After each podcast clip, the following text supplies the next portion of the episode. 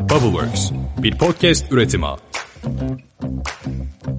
Herkese selamlar. Bir podcast üretim ağı olan Bubbleworks Media ve gençlerin kariyer platformu olan Youthol ile birlikte hayata geçirdiğimiz İşte Bir Gün podcast kanalıyla yine karşınızdayız ve çok da sevdiğimiz bir seri Birbirimizi Anlayabiliriz isimli bir seriyle sizlerle birlikte oluyoruz.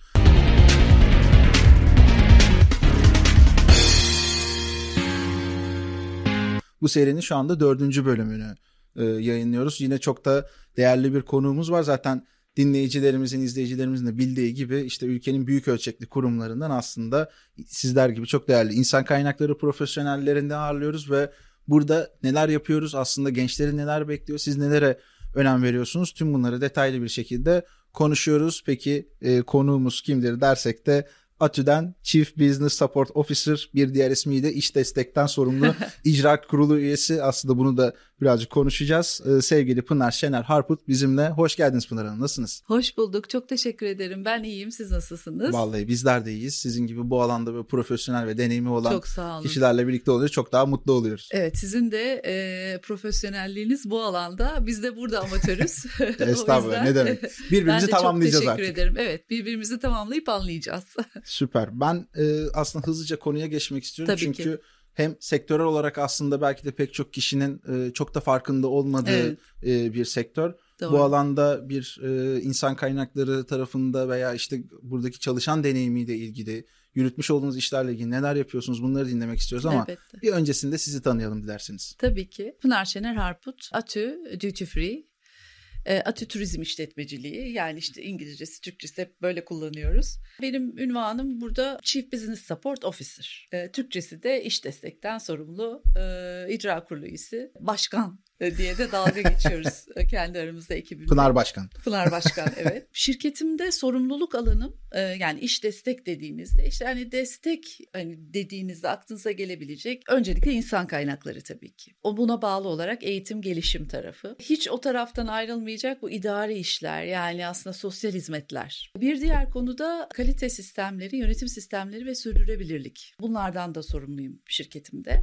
93 yılında iş hayatına başladım. Ee, Ankaralıyım aslında. TED Ankara Koleji mezunuyum. Arkasına Hacettepe mütercim tercümanlık okudum. İlginç bir meslek seçimi. Yani benim zamanımda e, ben 89 yılında girdim üniversiteye. Üniversiteyi bitirdikten sonra e, Çelebi Hava Servisi benim ilk işimdir. E, yönetici adayı ilanı vardı gazetede. Oraya başvurdum. Sonrasında bana iki alternatif sundular. İstanbul mu Ankara mı diye. Ben İstanbul'u tercih ettim. Çelebi'den ayrıldıktan sonra Eczacıbaşı hikayem var. Eczacıbaşı ilaç pazarlama. Eczacıbaşı'nda çalışırken beni bir danışmanlık şirketi aradı. E, işte özelleştirme, işte konsorsiyum vesaire. İşte oraya danışman arıyoruz. İnsan kaynakları danışmanı, yabancı bir kurum falan. Dedim ki ya ilgilenirim ama şunu söyleyeyim yani Yeşilköy'de hayatta çalışamam dedim. Yani önce hani bunu bir koyayım da ortaya. Olmazsa yani şey hani bana sorarsanız ne istemez? Yeşilköy'e gitmem. Gülmeye başladı. Dedi pozisyon Yeşilköy'de. Beni e, Viyana Uluslararası Havalimanı o zaman e, Airport Consulting Viyana'ydı ismi bir alt kuruluşu. İnsan kaynakları danışmanı olarak işe aldı ve ben Yeşilköy'de işte Viyana'daki know-how'ı buraya taşımak gibi bir misyonla göreve başlamış oldum. Ben de TAV'a geçmiş oldum. TAV'a insan kaynakları müdürü olarak 2002 yılının e, Ocak ayında aslında e, geçmiş oldum. Ve çok uzun yıllar TAV'da çalıştım. Yani işte daha sonra e, işte koordinatör olarak çalıştım. Sonra çeşitli görevler üstlendim. 8,5 sene kadar orada çalıştım. Daha sonra ISS ile yolum kesişti. Sonra evlendim. Bebek arası vereyim dedim. O dönem bana Atü gel burada danışmanlık yap teklifi geldi. Sonra ben Atü'ye danışman Yine bir danışmanlıkla olarak, yolunuz kesişti. Aynen danışman olarak iki buçuk sene kadar çalıştım. Sonrasında 2013'te işte genel müdür yardımcısı olarak atandım. 2015'te de yeni yapılanmayla işte bu C-suite yapısına geçtikten sonra da iş destekten sorumlu icra kurulu üyesi olarak atanmış oldum. Evliyim. Bir tane patili, bir tane normal kızım var. İnsan, bir tane insan, bir tane patili kızım var.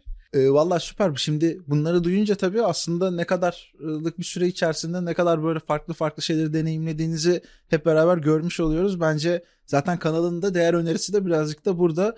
E, o yüzden teşekkür ediyoruz tekrar burada vakit ayırdığınız için. Çünkü işin şey kısmı çok değerli. Yani burada gerçek deneyimlerden beslenerek bir şeyleri paylaşabiliyor olmak çok önemli.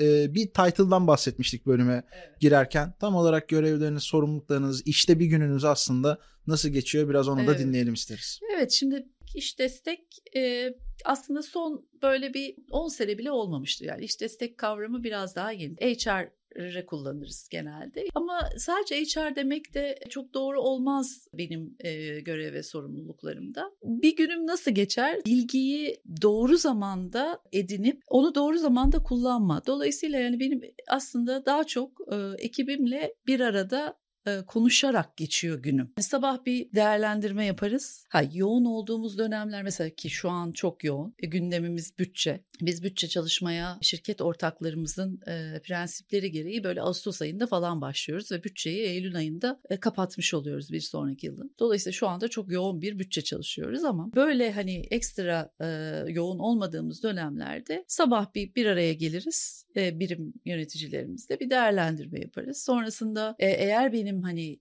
bizzat yapmam gereken bir işte ne bileyim toplantı olabilir, bir çalışmam gereken işte bana gönderilmiş bir şeyin üzerinden geçmek olabilir. Ben e, hem havalimanında hem merkez ofis Vadi İstanbul'da bizim ama mutlaka havalimanlarına da gidiyorum. Bu arada çok da seyahat de ederim. E, pandemiden önce çok daha fazla seyahat ediyorduk ama pandemiyle e, seyahatlerimiz biraz daha azaldı ama şimdi e, yine yoğunlaştı ama yine de e, pandeminin bize kazandırdığı bir şey diyeyim. Çevrim içi iletişimler. Şimdi 7 ülkeden sorumlu olduğunuzu düşünün. Oralardaki yöneticiler var, çalışanlar var vesaire. Dolayısıyla onlarla olan iletişim yani benim aslında temelde bir günüm e, iletişim kurarak geçiyor diyebilirim. Aslında bir insanı anlama mücadelesi var diyebilir miyiz? Yani Tabii yani, buradaki sorunları iyi, e, iyi tespit evet, edebilmek, empati Kesinlikle. kurabilmek. Yani aslında bizim işimizin yani insan kaynakları dediğiniz işin fıtratında zaten o var. Yani insanı anlamak. İnsanı anlamak. Harika, süper. Ee, bir yandan da aslında ATÜ'yü de merak ediyoruz. Yani biraz kurumun e, geçmişi, buradaki kültürel yapısı, nelere dikkat eder, nelere önem verir. Yani muhakkak ki zaten işte müşteriler için değer yaratmayı kafaya koymuş bir kurum. Ee, ama onun haricinde işte kendi kültürel dinamikleri de nasıl işler belki bunları da biraz anlamak güzel olur. Kurumsal alemde diyeyim her bir şirket şahsına münhasırdır. İşte ne bileyim aile şirketleri vardır. Çok işte e, multinational kurumsal şirketler vardır. İşte ne bileyim Türk şirketleri vardır. Bir de joint venture'lar vardır. Yani bir joint venture e, aslında evlilik gibidir gerçekten. Yani iki grubun birlikte yani düşün iki farklı kültürün bir araya gelip bir şirket kurması ve bunu yönetmesi. Kolay Ee, bir şey değil öncelikle. kolay bir şey değil. Hele bizim gibi şöyle düşünün. Bizim Atü bir joint venture dediğim gibi TAV Havalimanları Holding ve Unifree Duty Free. Bunlar %50 %50 ortaklarımız. Unifree'nin büyük bölümü Heinemann. Bir Alman duty free şirketi. Çok büyük bir lojistik devi. E, ve 5. jenerasyon yönetiyor şu anda. Avrupa'dan uzak doğuya, Avustralya'ya kadar birçok havalimanında duty free'yi ve travel value'yu işleten aynı zamanda tedarikçisi olan çok büyük bir grup. TAV'a gelince TAV'ın da e, %48'ini Aeroport'te Paris aldı. Yani Fransız, Paris, şey Fransa. Şimdi Alman, Türk, Fransız, Türk yani hani bizim Biraz böyle bir Bizim fıkra yönet- andırıyor gibi bir Aynen. şey de var ama. Ha bizim evet tabii. Bizim yönetim kurulu böyle şey gibi yani gerçekten Birleşmiş Milletler gibi. Burada iki konu var ATÜ için. Bir tanesi CEO'nun işi çok zor. Bir Muhakkak. tanesi de fırsatlar. Bu kadar e, köklü e, grupların ortaklığı olarak hayatınızı sürdüren bir şirketseniz çalışanlarınızın sonsuz fırsatları var demektir. E, buna ne anlamda söylüyorum? ağırlıklı kariyer anlamında söylüyorum tabii ki. Dinamiklik anlamında söylüyorum. Çeşitlilik anlamında söylüyorum. Gerçekten çok işselleştirdiğimiz değerlerimiz var ve bunlardan bir tanesi de aile olmak. Herhalde bugün e, burada e, ATÜ'den kime sorarsak soralım yani 10 kişi e, hani böyle random seçelim.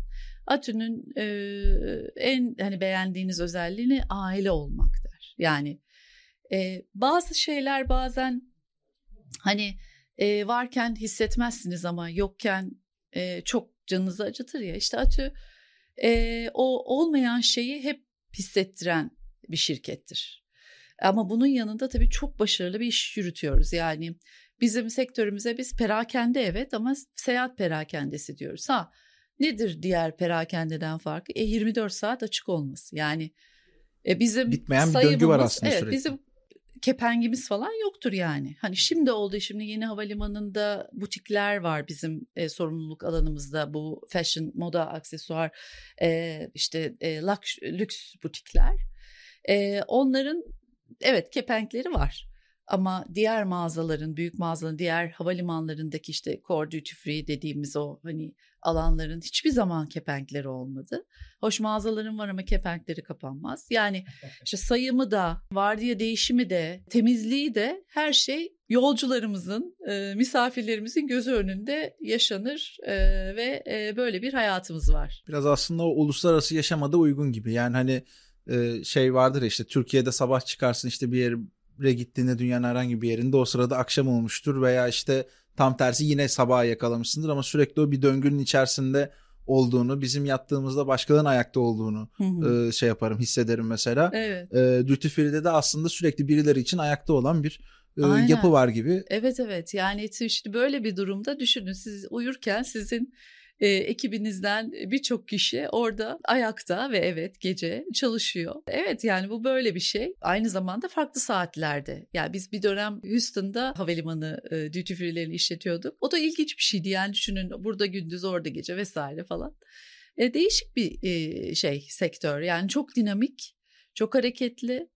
E, yani şunu şey yapamıyorsunuz. Ya biz e, hani headquarter'ız, merkez ofisiz diyebileceğiniz bir hayatımız yok. Biz tamamen mağazalarımızda çalışan ekiplerimize destek ve onlara hizmet etmek adına varız gibi bir mottomuz var açıkçası. Bu aslında biraz önce tam da sormuş olduğum kültürel yapı nasıldırın bence net bir şekilde cevabı oldu. Hemen aklımda aslında şunu oluşturuyor. Böyle bir kültürel yapıyı böyle bir dinamiklikte ortaya koyabiliyor olmak e, aslında önemli bazı yetkinliklere de sahip olmayı gerektiriyor. Sizin de aslında başta sorumluluk alanınızda da bahsettiğiniz sürdürülebilirlik odaklı yaklaşımlar, sosyal etki, inovasyon, sürekli o yeniliğe açık olmak, toplumsal cinsiyet eşitliğini iyi bir şekilde ele alabilmek gibi konular var. Bunlarla ilgili bir şeyler yapıldı çok aşikar e, ki ortaya böyle bir dinamik çıkıyor. Evet. Biraz belki bunları da dinlemek güzel olur. Tabii pandemi hayatımızda o kadar değiştirdi ki herkes evinde maskelerle otururken, e, evinden çıkmaya imtina ederken bizim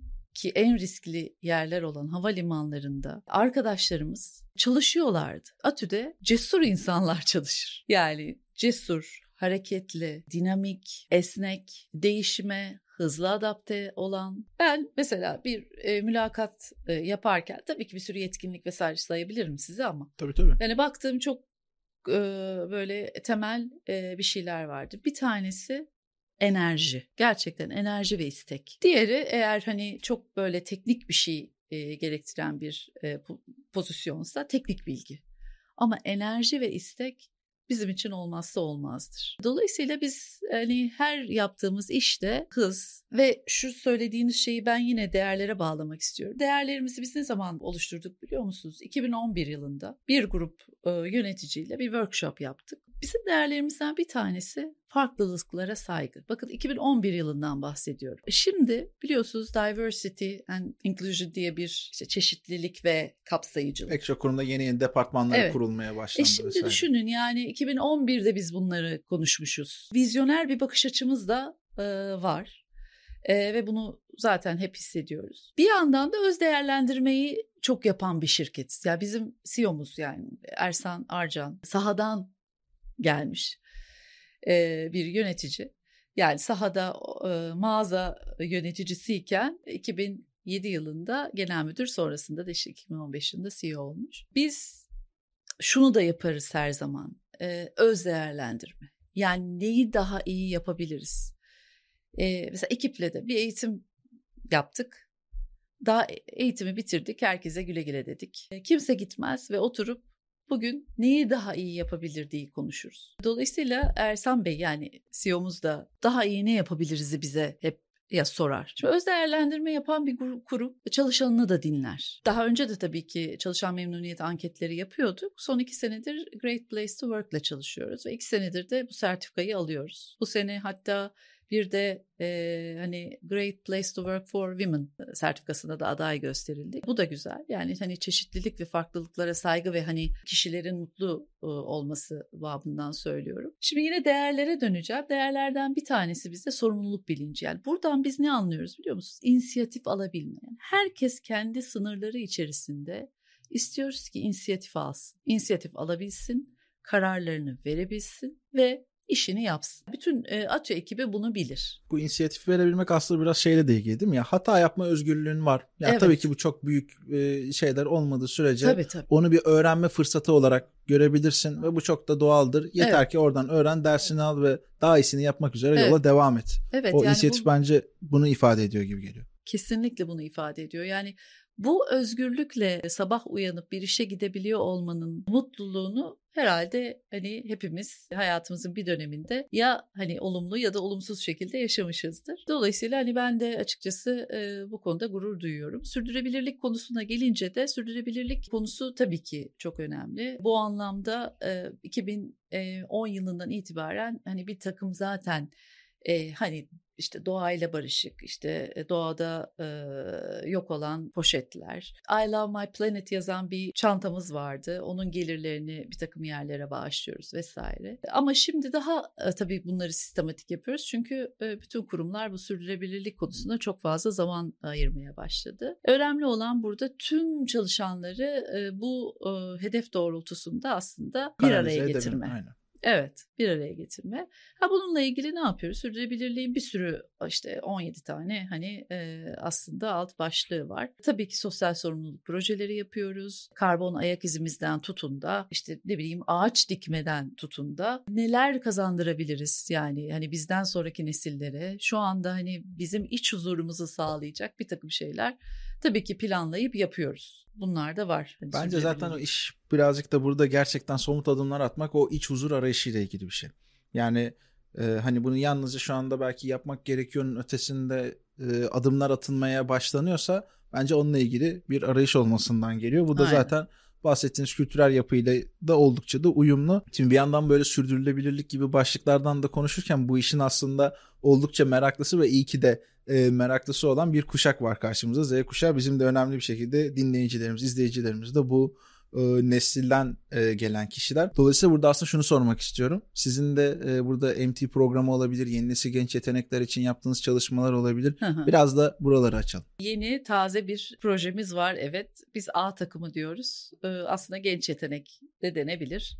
Ee, genç yetenekleri kurumumuza kazandırmak aslında temel amacımız ve bu anlamda e, bir takım çalışmalar yapıyoruz. Çalışmalarımızdan bir tanesini tabii ki Yutol'la yapıyoruz. Onlarla tanıştık. Bize gerçekten bir farklı bakış açısı kazandırdıklarını düşünüyorum. Ee, çok çok Hiç e, şüphem yok. Bu işlerin piri zaten. Aynen piri ve birbirimizi de anladık onlarla. Çok da e, sevdik. Tabii ki bir takım kriterler var yani şimdi bizim gibi bir kurumda e, bir kere yabancı dil olmazsa olmaz. Gençlerin yabancı dili e, çok iyi olması lazım. Tercihen ikinci yabancı dil. Yani iyi okullarda e, ve başarılarla okumuş olmalarını isteriz. Ne isteriz aslında gençlerden?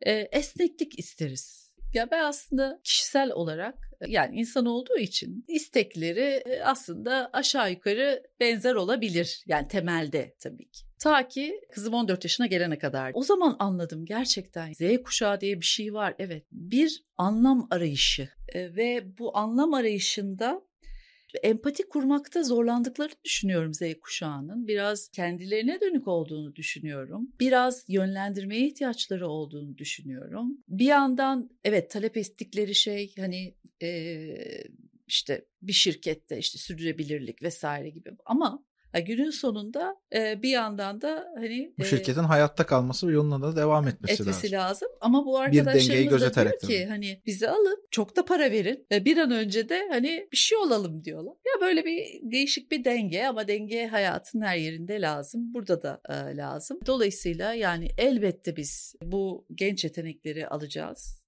ve e, böyle bir 6 aylık eğitim programından geçirdikten sonra e, belli pozisyonlarda ve departmanlarda görevlendirmek istiyoruz. Dolayısıyla bu A takım projesi böyle bir proje. Bir diğer aslında önemli projemizde bizim e, aslında eğitim gelişim uygulamalarımızın ve tüm eğitimlerin bir çatı altında topladığımız bir kurumsal akademimiz ismi Atu Retail Institute yani e, Perakende Enstitüsü. Orayı bir perakendece yetiştiren okul gibi yeniden yapılandırmak istiyoruz. Çünkü Atatürk Havalimanı'nda çalışmak daha kolaydı. Orada çalışmak isteyen kişileri bulmak çok daha kolaydı. Şimdi yeni havalimanında bunların zorluğunu yaşıyoruz. İşte deneyimli bulmakta zorlanıyoruz. Biz de ne dedik? Yani biz hakikaten sıfır kilometre böyle hani bu işi gerçekten yapmak isteyen ve perakendeci o yani satıcı olmak isteyen satıcı olmak isteyen kişileri alalım, onları satıcı yapalım. Bir de böyle bir projemiz var. O biraz daha sahaya yönelik bir proje ama A takımı dediğimiz biraz daha hani şey genel merkezde destek departmanlarda çalışacak ekibi seçtiğimiz bir proje. Bu arada bu da güzel bir kapsayıcılık evet. örneği olmuş aslında. Herkesin hayatta kariyer hedefi farklı. Hepsini harmanlamak istiyoruz bir yandan. O yüzden de bu iki projemiz şu anda çok taze taze. Yutol'un da desteğiyle güzel bir şeyler yapıyoruz. Ortaya çok güzel işler çıkacağından yana hiçbir şüphem yok. Bir yandan da böyle yavaş yavaş her ne kadar istemesem de sürenin sonuna doğru da gelmiş oluyoruz ama hızlıca cevap bekledim aslında iki tane de şeyim var, e, sorun var. Biraz da değindiniz aslında ama birincisi şu e, hani serinin ismi de birbirimizi anlayabiliriz evet. ya bölümün içerisinde empatiden, evet. iletişimden falan da e, evet. sıklıkla konuştuk. Burada kurumlar gençlerden neler bekliyor? Gençler kurumlardan neler beklemeli? Aha. Bu e, hani biraz önce de söylediğiniz ya haklar var, talepler var. Çok da doğal. Sorumluluklar da var, gerçeklikler var vesaire. Bir bu dengeyi birazcık aslında açalım istiyorum. Bir de e, sizce belki dinleyicilerimizden de size başvuruda bulunacak birileri vardır veya bir yakınını yönlendirecek birileri vardır. Ben Atü'de neden çalışmalıyım sorusuna her ne kadar bölümün içerisinde bazı cevaplar varsa da evet. belki oraya bir özet bir cümle daha Hı-hı. alarak dilerseniz kapanışa doğru gidebiliriz. Elbette. Şimdi evet tabii ki kurumların da üzerine düşen çokça sorumluluk var. Yani sonuç olarak kurumların geleceği de aslında yeni katılacak arkadaşlara bağlı yani. Hani kurumlara ne kadar çabuk adapte olurlarsa. Neden biz genç yetenekleri aramıza katmak istiyoruz? E, farklı bir bakış açısı yani işte bu tersine mentorluk gibi bir şey istiyoruz aslında bakarsanız. Yani ha, genç çalışanlarımız var ama e, biz e, çok daha farklı bir bakış açısı katmak istiyoruz yani. Ve düşünün yani her bir departmana bir genç yetenek koymak aslında hani bence iki sene sonra şirketi çok bambaşka bir yere götürecek gibi geliyor bana ki öyle olacağına eminim. Kurumların sorumluluğu bir kere hani e, gençlere e, kendilerini ifade edebilecekleri bir ortam yaratabilmek. Tabii bir yandan şu da var. Bence şanslılar da mesela biz genç yetenekleri alırken tabii ki bir takım değerlendirme aşamalarından geçiriyoruz. Yani bunların işte çevrim içi olanları var, yüz yüze olanları var. Değerlendirme merkezin uygulaması yapacağız bu arkadaşlarımıza. Bu nedir? Bu arkadaşlarımızı daha yakından tanıyacağız. Bu bir eleme ya da işte hani tik atma uygulaması değil. Bir adayın daha üniversitedeyken ya da bitirir bitirmez değerlendirme merkezi çalışmasına katılması aslında ne kadar değerli? Bir, kendisini anlatabiliyor. İki, kendisini tanıyor ve bunun karşılığında geri bildirimi alıp bu geri bildirim çerçevesinde kurumun ona e, açacağı yolda ya da kendisi de kendini geliştirmek için, değiştirmek için, işte yatırım yapabilmek için neyse bir takım planlar yapabiliyor. Yani yapabilmek için bir aslında elinde kaynak aslında koskoca doğru ihtiyaçları ve hangi evet. patikada yürümesi gerektiğini evet. iyi bir şekilde anlamış oluyor. Evet elinde kocaman bir kaynak oluyor yani ben. Hı hı. Ben. Benim güçlü alanlarım, gelişim alanlarım. Ben çünkü bunun içinde işte kişilik envanterlerinden tutun da işte yetkinlik analizleri var. Değerlendirme merkezlerinde hani envanterler ve e, yetkinlik analizlerini bir araya getirip geri bildirim veriyoruz vesaire. Dolayısıyla bunlar güzel şeyler. Yani tabii ki bunları yapmalı bence kurumlar. O gençler belki biz o gençlerden işte hepsini almayacağız ama 50 kişi mi girecek? E 50 kişiye aslında çok önemli bir aslında sosyal sorumluluk projesi gibi bir şey diye düşünebilirsiniz. Yani ben öyle düşünüyorum. Kurumlar ve kurumlarda çalışan e, yöneticiler ve özellikle liderler kendilerini bu yeni jenerasyona adapte etmeliler ve hazır olmalılar. Beklentileri yüksek, e, meraklılar, soruları var, anında cevap istiyorlar. Geleceği görmek istiyorlar. Öyle hikayeyle o kişilere e, oyalayamıyorsunuz yani. İkinci sorunuza gelince Netan ben yine değerlere döneceğim. Değerler kurumun aslında temel taşları oluyor. Yani o kurumu güçlendiren saç ayakları diyebilirsiniz. Bu ayakların mücadeleci ruh olduğunu düşünün. İşte hizmet odaklılık olduğunu düşünün. İşte aile olmak olduğunu düşünün. Farklılıklara saygı olduğunu düşünün. inovasyon olduğunu düşünün. Böyle değerleri olan bir kurumda bence çalışmalı arkadaşlar. yani çalışmak evet. istemeli. Bunun yanı sıra şimdi çok uluslu ve bir joint venture olmasının kariyer fırsatları anlamında bu arkadaşlarımıza kısa vadede ve uzun vadede önemli açılımlar sağladığını düşünüyorum. Yani çokça fazla örnek sayabilirim. Şirkete başladıktan 3 yıl sonra, 2 yıl sonra işte başka bir ülkede işte mesela benim ekibimden bir arkadaşım şu anda Heinemann'ın e, Hamburg'daki merkez ofisinde işte insan kaynakları e, senior e, partner olarak çalışıyor gibi. Bizden tava, tavdan bize, Heinemann'dan bize, e, Ünifri'den bize, bizden Ünifri'ye falan. Yani böyle inanılmaz bir dinamizm var. Atüyle sınırlı değil gelecek. Yani dört farklı e, şirkette kariyer imkanınızın olduğunu düşünün. Beş hatta yani hani beş farklı şirkette. Bir şirkete Neden gireceksiniz de hem bu kadar uluslararası dolaşımla ilgili olası bir potansiyeliniz olacak. Hem farklı farklı şirket kültürlerini göreceksiniz. O kombinasyon içinde yer alacaksınız. Evet. Hem tüm bu bahsettiğiniz değerler hatta yani bölüm boyunca da aslında demin de onu not alıyordum. Yani en çok aklımda kalan şey değerler oldu. Yani dolayısıyla bence bir insan olmayı da hatırlamakla ilgili de birkaç eklememiz de olmuştu ya. Ya bence insan olmanın zaten temelinde kişinin bazı değerlere sahip olması veya olmaması ile ilgili Öyle. bir ayrım noktası var. Ee, bu kişinin kendi sosyal hayatından tutun da iş yaşamına kadar, nerede çalışmak istediğine kadar e, o sabah uyandığın andan itibaren o sosyal yaşamda veya iş yaşamında bir değer yaratabiliyor musun, yaratmıyor musun yoksa yalnızca gidip geliyor musun gibi bir sürü ayrım noktası var. Öyle. Tahmin ediyorum ki bu bölümü dinleyen, izleyen e, sevgili arkadaşlarımız için de e, bu soruların aslında biraz cevaplarına ulaşılmıştır diye inşallah, düşünüyorum. İnşallah, inşallah yani e, inşallah ulaşmışızdır. Ee, inşallah e, bizi anlamışlardır. İnşallah karşılıklı olarak anlamışızdır diye evet. e, umuyorum. Var mıdır son eklemek istediğiniz bir şey? Çok teşekkür ediyorum. Dediğim gibi benim ilk podcast'im. Çok keyif aldım. Vermek istediğim mesajları verebildim. E, çok güzel sorularla bana yol açtınız. Çok teşekkür ediyorum. Ben de burada olmaktan çok e, mutlu oldum. Vallahi biz de aynı şekilde bu mutluluk da e, karşılıklı. Bence zaten işte e, dediğimiz gibi birbirimizi anlama üstüne e, kurulu bir hayatın içerisindeyiz. Sizin de buradaki bu deneyimleriniz, tüm bu paylaşımlarınız ve iştenliğiniz için de ben de hem bizler hem YouTol e, ve buradaki tüm dinleyicilerimiz adına da çok teşekkür ediyoruz. Değerli vaktinizden ayırdığınız için de Emeğinize sağlık. Çok sağ olun. Evet o zaman sevgili dinleyicilerimiz, izleyicilerimiz bir yandan e, sürekli böyle diyorum. Çünkü Spotify'da, işte Google'da, Apple Podcast'te, YouTube'da her yerde sizlerleyiz ve aslında birbirini anlamak ne demektir ve kariyer yolculuğunda neler kazanmak gerekiyor bunları anlatmaya çalışıyoruz. Bir sonraki bölümde yeniden görüşünceye dek kendinize çok iyi bakın. Sağlıkla, merakla, yenilikle ve değerlerle kalın. Görüşmek üzere.